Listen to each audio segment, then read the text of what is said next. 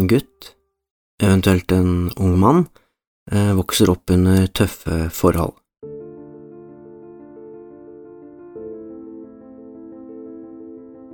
Han eh, blei jo som regel en gutt eller mann, har eh, få eller ingen venner. Sannsynligvis blir han også utsatt for mobbing og utestengning eller noe i, i den retningen.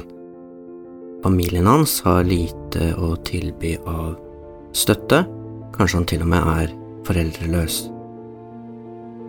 Eh, Det kan også hende at han nettopp har flytta til et nytt sted der han blir sett på som en fremmed. Han er altså ute av sitt uh, rette element, og det kan til og med hende han aldri har opplevd å ha noe rett element. Motgangen er altså til å ta og føle på. Det er heller ikke usannsynlig at det faktisk er ganske mye dårlig vær i den perioden her, og at dette dårlige været kanskje ofte sammenfaller med litt kjipe opplevelser.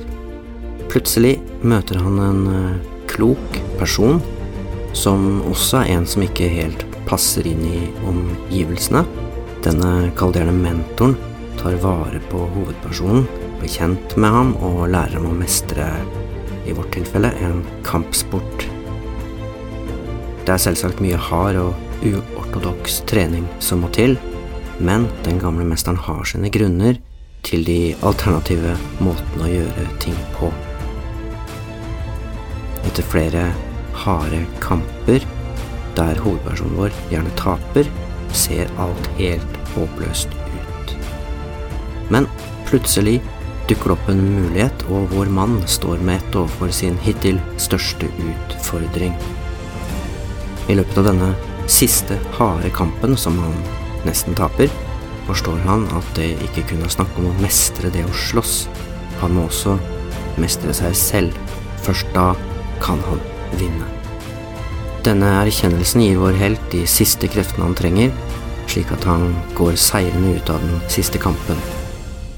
Her spiller både musikk og kameravinkler på lag med oss og hovedpersonen, og får oss til å forstå at han endelig har skjønt det, og at han egentlig fra dette øyeblikk og resten av livet kommer til å mestre alle utfordringer. I alle fall helt til den neste filmen kommer.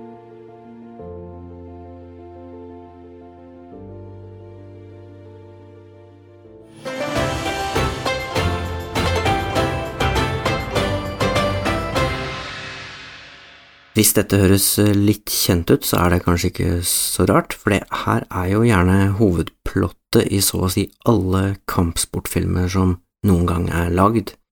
Eh, tenk bare på Karate Kid og Rocky-filmene, for eksempel.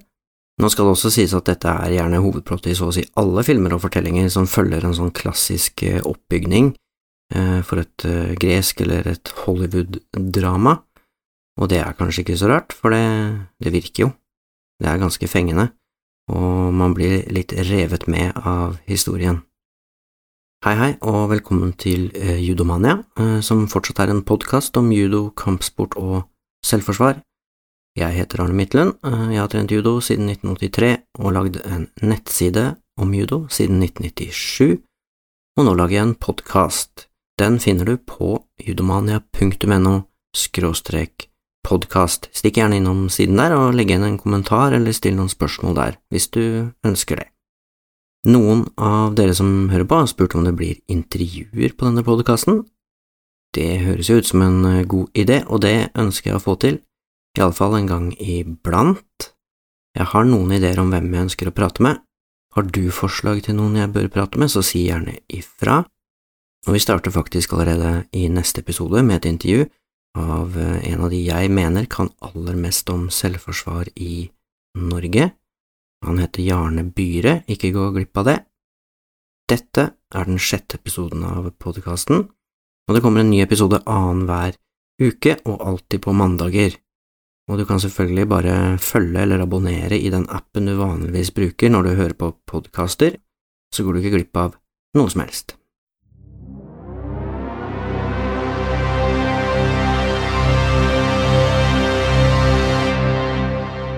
I dag skal det altså handle om film, og spesielt da film og kampsport Og det du ikke kommer til å få i denne episoden, er eh, lister med de beste filmene. Det finnes det mange av på nett, det er bare å gjøre et enkelt eh, Google-søk, så finner du fram. Men jeg skal si litt mer sånn generelt om kampsport i filmer, og så kommer jeg selvfølgelig til å nevne noen eksempler på filmer som kan være greit å få med seg, og noen skuespillere og kampsportartister som det kan være greit å ha stiftet bekjentskap med. Men hvis vi starter med begynnelsen, så er altså den første kampscenen som ble fanget på film, det var en seksrunders boksekamp mellom Mike Bob Brummel Leonard og Jack Cushing, og den kampen eh, fant sted helt på slutten av 1800-tallet, i 1891, og den ble filma og produsert av William Heise og William Dixon. Og disse var ingeniører og oppfinnere og jobba sammen med Thomas Edison da han utviklet kinetoskopet, som er en slags sånn innretning, en boks hvor du kikker ned i et hull, og der én og én person kan se film.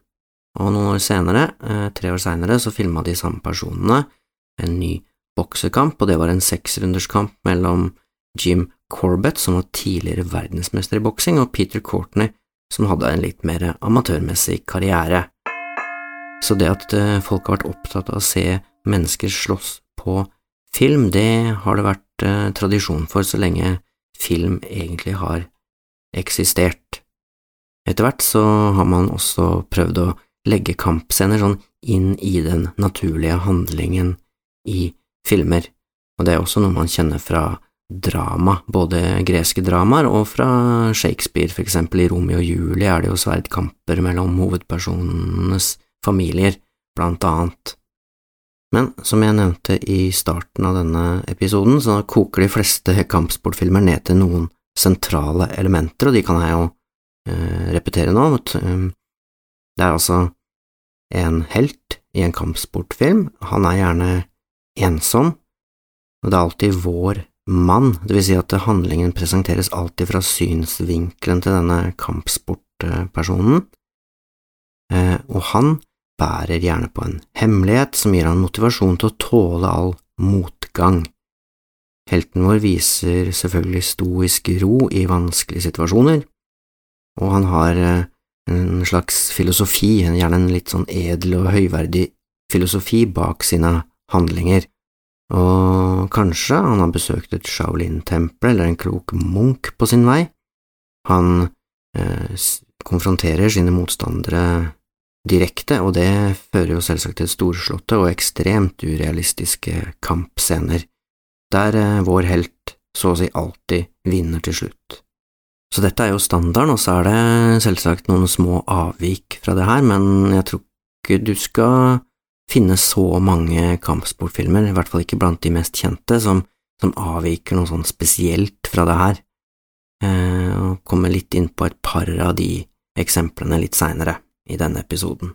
Eh, og opp gjennom historien, opp gjennom filmhistorien, så har det jo vært, eh, eh som sagt, kampsportfilmer med litt eh, ulikt fokus, da, og det ulike fokuset, det har jo både litt sånn å gjøre med hva som er på moten og hva som eh, rører seg ellers i både litteratur og teater og film, og så har det litt å gjøre med sånn filmtekniske ting og hva som faktisk er mulig å, å fange på film, og så har det litt å gjøre med hvilke kampsporter som var kjent. Det er klart at på 1890-tallet så var ikke judo kjent i Europa på den måten, mens eh, litt utover begynnelsen av 1900-tallet så ble det stadig vanligere å, å bruke flere og flere kampformer inn i filmer også, ikke bare basere seg på boksing, som var for eksempel en velkjent kampform.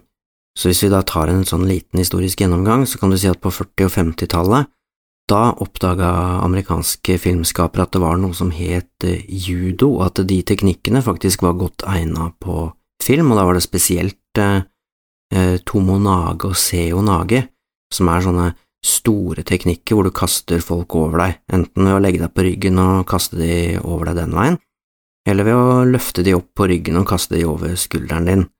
Noen kaller jo dette til og med for cowboykast, så det var vanlig i veldig mange westernfilmer, for eksempel.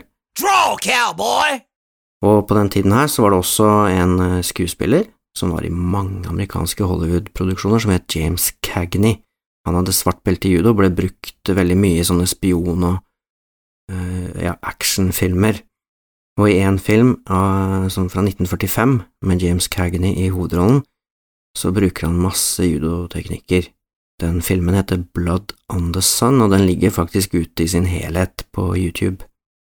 På 50- og 60-tallet så var man opptatt av krig, og det er jo ikke unaturlig, det hadde nettopp vært en verdenskrig, og da ble jo både verdenskrigen og andre sånne store slag ble holdt på å si endevendt, og i krigsfilmer er det jo også kampscener, men det er nok mer sånn brutale med våpen, og ikke så mye sånn kampsport, sånn som vi tenker på det, kanskje. I tillegg så fikk jo verden øynene opp for eh, japansk film på den tiden, ikke minst takket være Akira Kurosawa og hans eh, film Yojimbo, som er en eh, obligatorisk film å se. Den kom i 1961.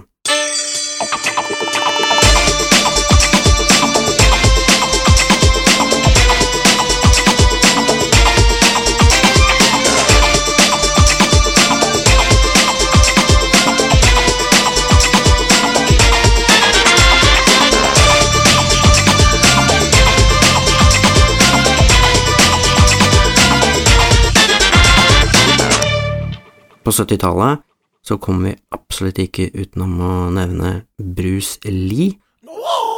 Og Enter the Dragon fra 1973 er jo en av de absolutt aller mest kjente kampsportfilmene, og den, eh, den er absolutt verdt å se. Bruce Lee skal vi snakke mer om i en annen episode, han rakk jo ikke å fullføre så mange filmer fordi han døde ung, men han fikk eh, ja, vi kan kalle det legendestatus, rett og slett, i løpet av sin korte skuespiller- og kampsportkarriere.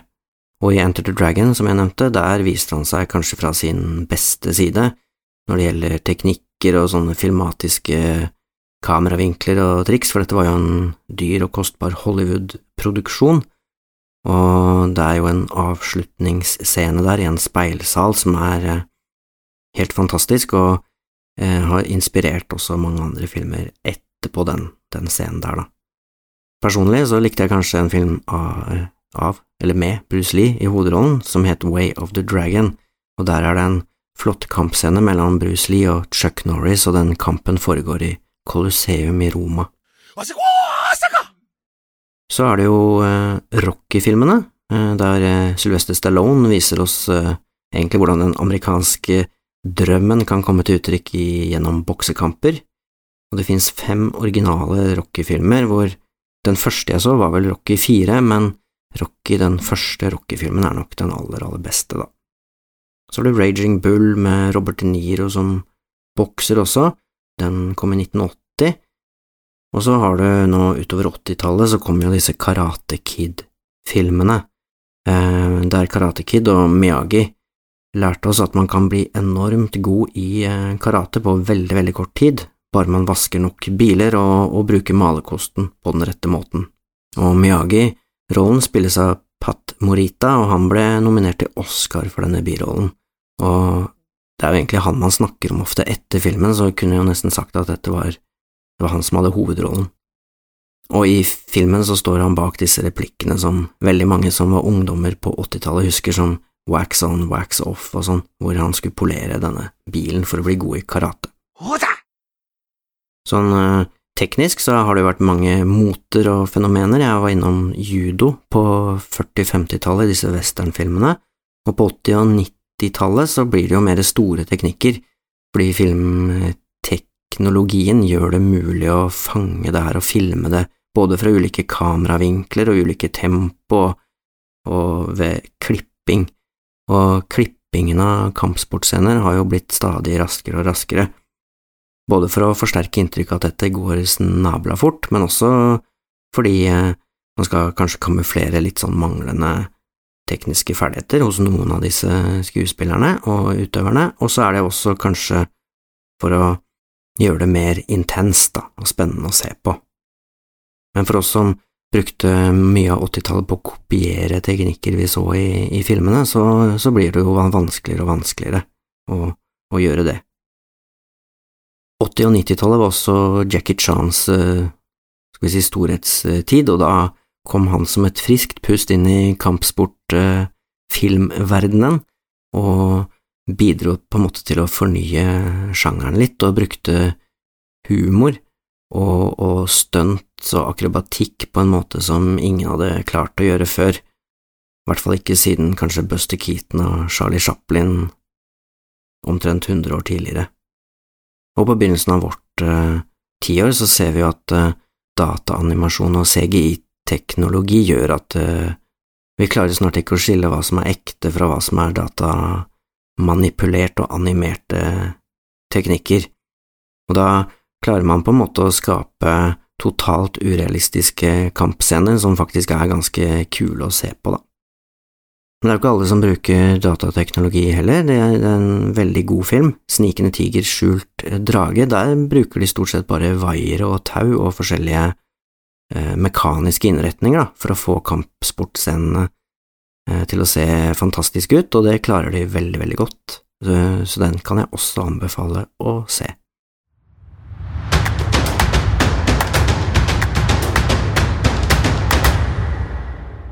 Men eh, som sagt, i kampsportfilm så er det mye juks, og det er mye akrobatikk, og det er mye stuntscener, og det er eh, datateknologi, og, og, i det hele tatt, det er mye som kan bli litt sånn over eh, the top.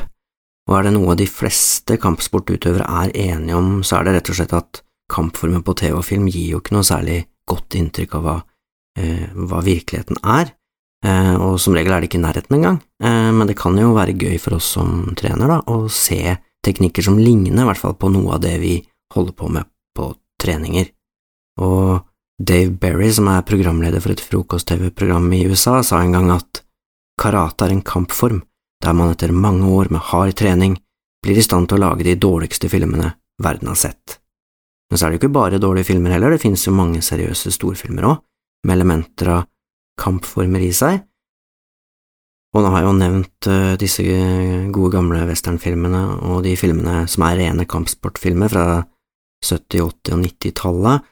Hvis du tar en annen sjanger, for eksempel James Bond-filmer, der er det mye kampscener. Jason Bourne-filmene er jo gode og inneholder imponerende kampscener, og mye av de kan vi jo kjenne igjen, uh, vi som driver med kampsport. Og så er det jo John Wick-filmene som er også ganske morsomme for oss som trener judo, synes jeg i hvert fall. Er man liksom Er man interessert i det historiske, så kan man jo se Akira Kurosawa-filmer og Seven Samurais, men hvis man vil ha litt nyere film, men likevel få noe historisk eh, innblikk og noe gløtt av det som var før, så kan man for eksempel se The Last Samurai med Tom Cruise i hovedrollen. Den gir jo et bilde av Japan sånn på 1800-tallet, er det vel?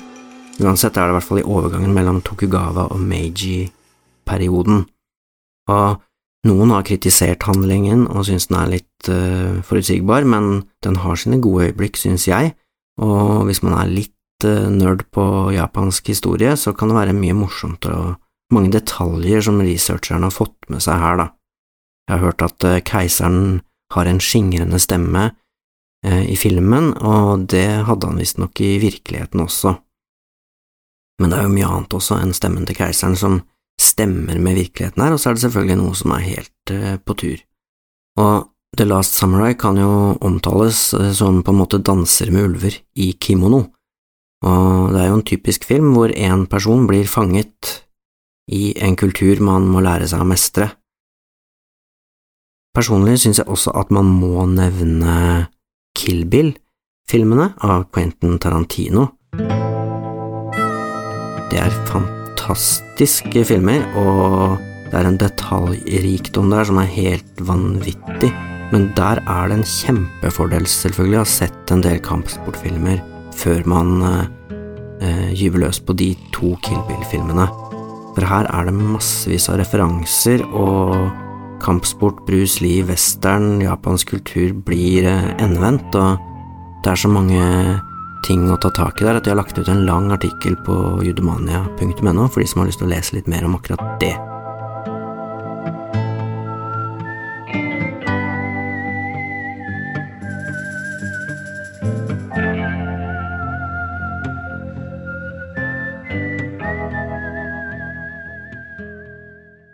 Jeg vil også nevne at uh, våpenbruk er jo også en del av kampsport, og i mange filmer bruker man det også. Seven Samurais av Akira Kurosawa er et eksempel på det. Uh, den filmen jeg nettopp nevnte, med The Last Samurai, er et fint eksempel, og skal du en helt annen vei, så er det også Dirty Harry med Clint Eastwood som også bør ses, da. Nå har jeg allerede nevnt noen skuespillere, men eh, hvis du skal føle deg holdt på å si, kompetent i den sjangeren her, så må du ha sett eh, filmer med Bruce Lee, Jackie Chan og Jet Lee i hovedrollene. Det finnes altså utallige filmer, både gode og dårlige, og det gjør det jo i alle sjangere, og det blir ikke noe rangering eh, her. Eh, jeg legger ut noen omtaler av filmer jeg har sett på nett en gang iblant, og det er vel fordi jeg synes de filmene er gode.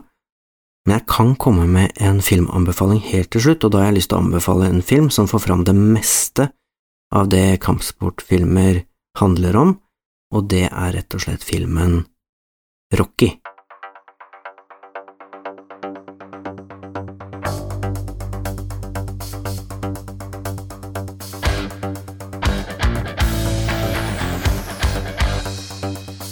Er det snakk om den første filmen, og som du vet så finnes det mange Rocky-filmer, men den første er den beste.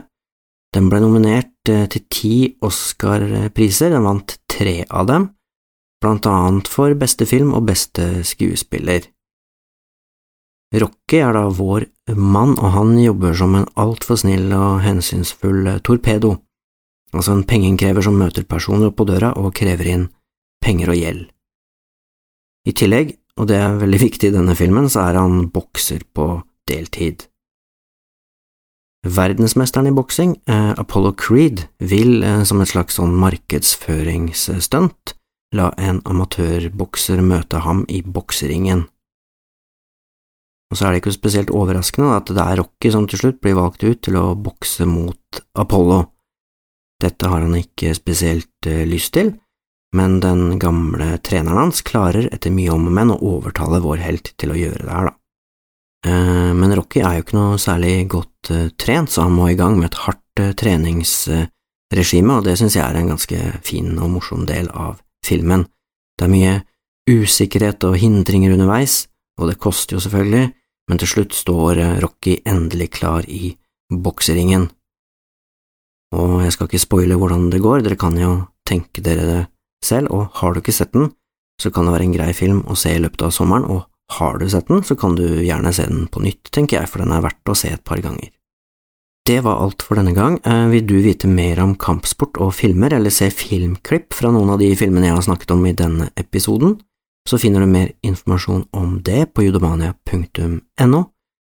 Du kan også sjekke linkene som ligger ved informasjonen til denne episoden. Men nå er det på tide å runde av dagens episode.